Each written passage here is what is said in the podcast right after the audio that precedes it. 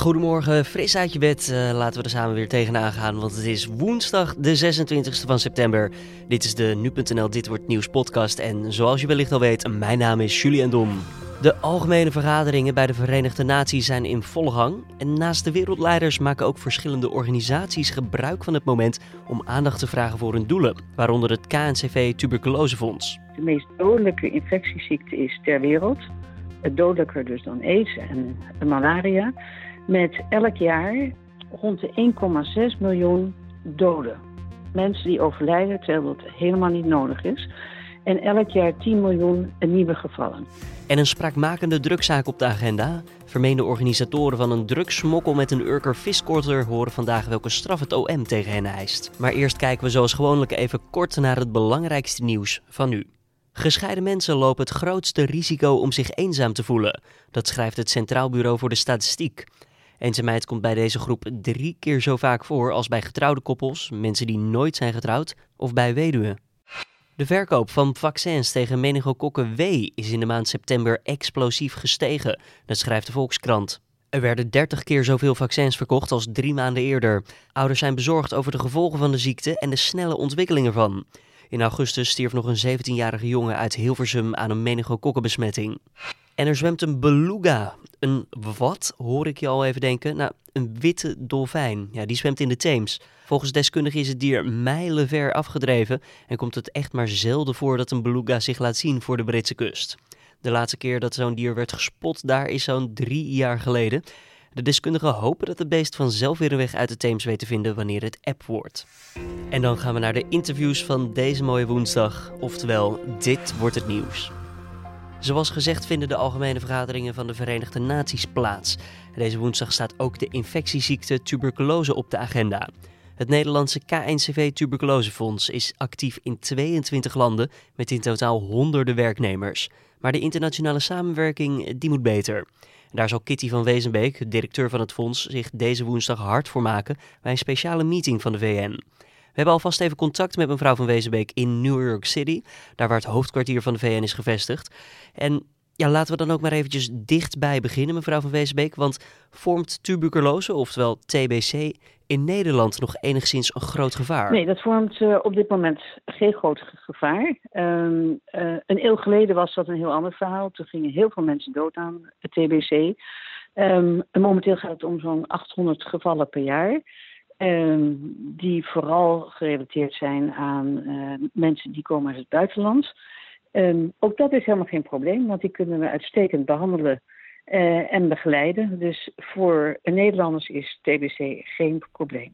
Maar in het buitenland is het natuurlijk wel erg. Ja, en wij zijn onderdeel van die wereld. Want uh, u moet zich voorstellen dat het de meest dodelijke infectieziekte is ter wereld.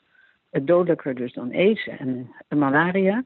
Met elk jaar rond de 1,6 miljoen doden. Mensen die overlijden terwijl dat helemaal niet nodig is. En elk jaar 10 miljoen nieuwe gevallen. En het grootste probleem is dat uh, door het verkeerd gebruik van medicijnen um, een multiresistente TBC oprukt. En dat is wel een probleem voor Nederland. Want uiteindelijk is het een ziekte die geen grenzen respecteert en gewoon overgebracht wordt door uh, hoesten. En verkeerd gebruik van medicijnen, zegt u? Hebben we het dan over antibiotica of uh, waar moeten we aan denken? Ja, dat zijn inderdaad antibiotica. Je moet TBC behandelen met een combinatie van middelen. En als de kwaliteit van de medicijn niet goed is, of de dokter de verkeerde combinatie voorschrijft, of de patiënten het verkeerd innemen, dan ontstaat er resistentie. En dat is wereldwijd een enorm probleem aan het worden. De behandeling is moeilijk, heel erg duur. Uh, en um, ja, dat, dat, dat wordt een toekomstig uh, een probleem van humanitair aard, maar uh, ook van economisch aard. Bij de VN wordt dit onderwerp dan ter tafel gebracht. Hoe wilt u dit uh, ja, onderwerp weer groot brengen tussen al dat internationale geweld, om even ja, figuurlijk te spreken? Want blijkbaar is het niet in, de, in de voorgaande jaren niet belangrijk genoeg geacht. Nou, dat is, uh, dat, u heeft een, een belangrijk punt. Het is natuurlijk eigenlijk te idioot voor woorden dat nu pas deze ziekte op de agenda staat. Ehm, ja, wij zijn er dus ontzettend blij mee. En gelukkig is het zo dat nu ook de wereldleiders zich ernstige zorgen maken over de situatie.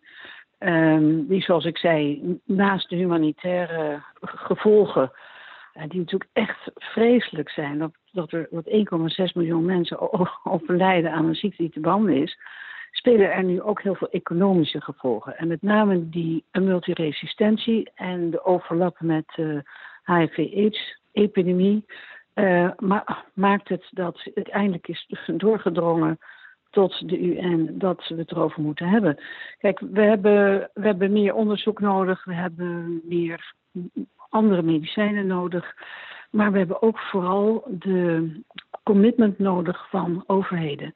We kunnen met nog zoveel geld en medicijnen en apparatuur naar Afrika en Azië afreizen. Maar uiteindelijk hebben de mensen nodig, lokaal, om deze tools te gebruiken. En uh, daar heb je weer het nog steeds voor nodig. Nou, we zijn ons ontzettend blij dat het nu op de agenda staat van de UN. Want we hebben echt de overheden nodig in de landen waar het veel voorkomt.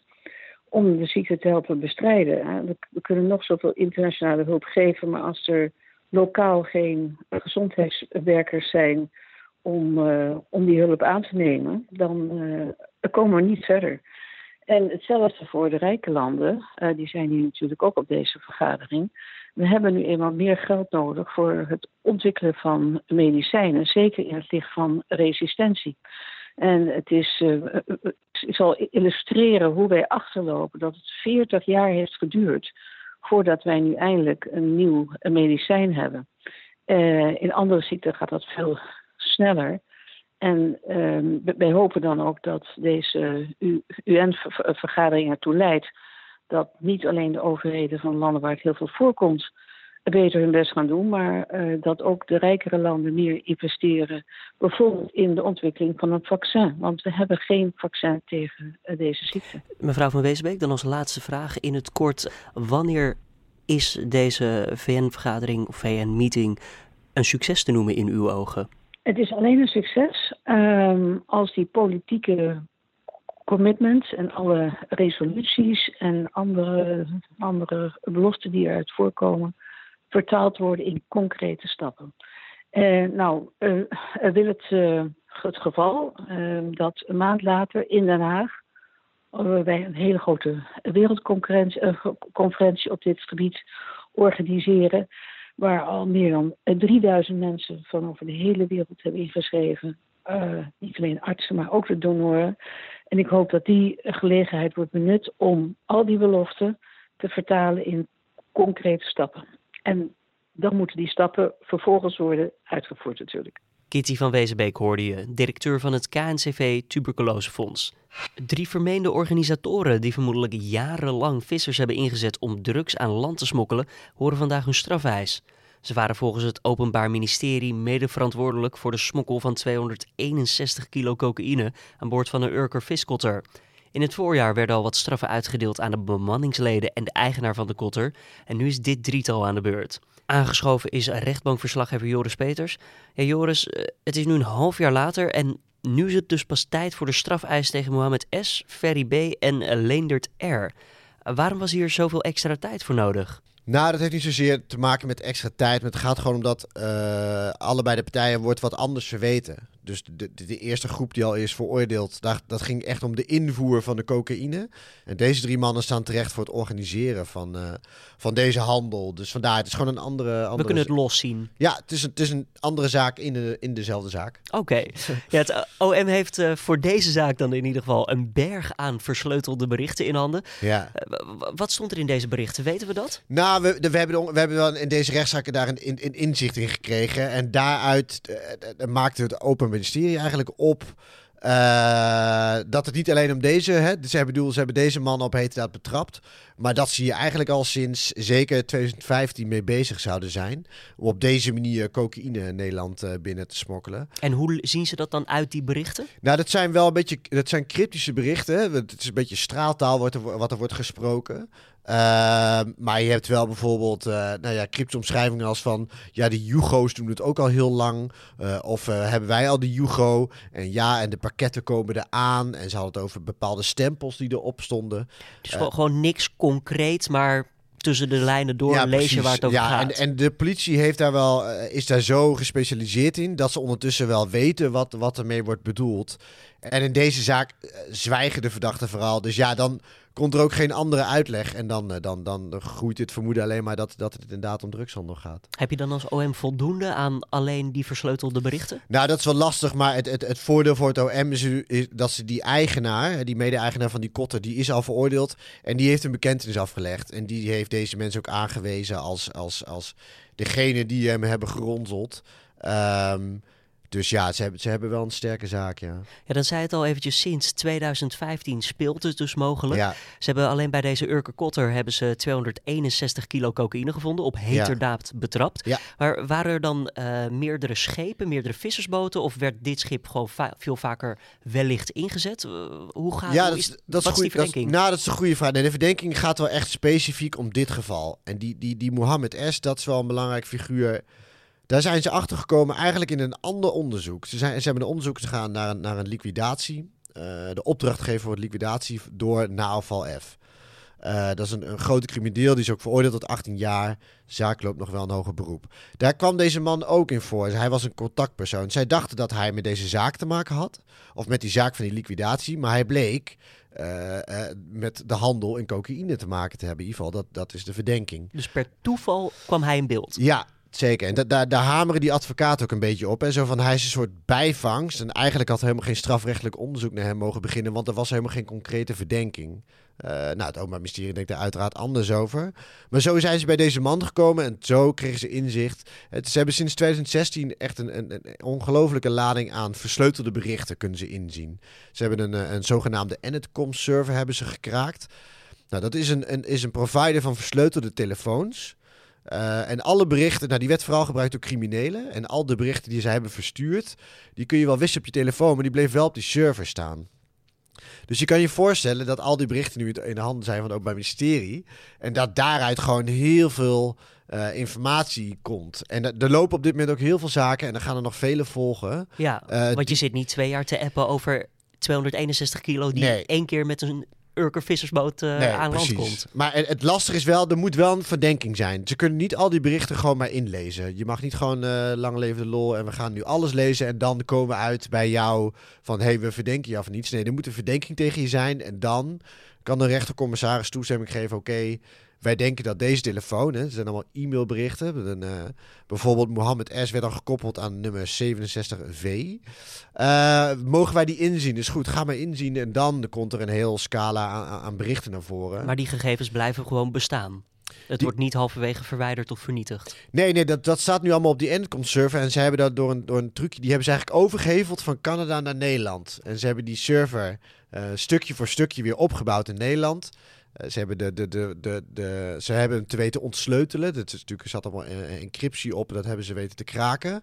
En nu hebben ze daar inzicht op. Maar je moet nogmaals wel een eerste strafrechtelijke aanleiding hebben om die berichten in te mogen zien.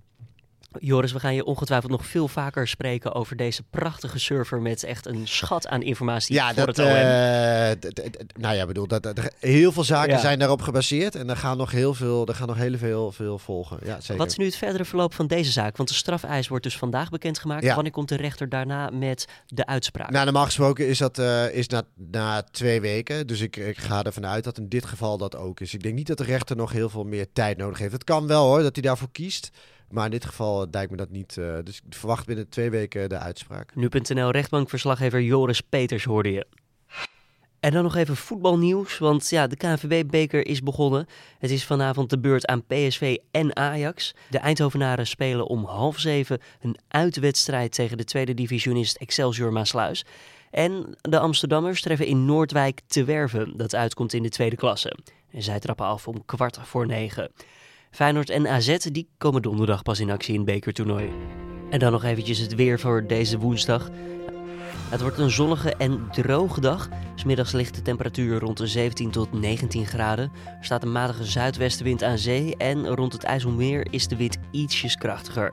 En morgen op donderdag wordt het nog mooier en dan zal het ook de warmste dag van de week zijn. Dat is alvast iets om naar uit te kijken, al mogen we vandaag ook niet echt klagen. En dan nog eventjes ja, iets opmerkelijks misschien wel. Want uh, ja, de meeste mensen hebben het ochtends nodig om op te starten. En vervolgens is er eigenlijk op elk moment van de dag ook wel tijd voor. Ja, het is ook wel echt nodig nodig. Maar bij de Arnhemse gemeenteraad mag het tijdens de raadsvergaderingen niet meer. Nou, waar gaat het over? Over zoiets simpels als koffie en thee drinken tijdens deze gemeentelijke vergaderingen.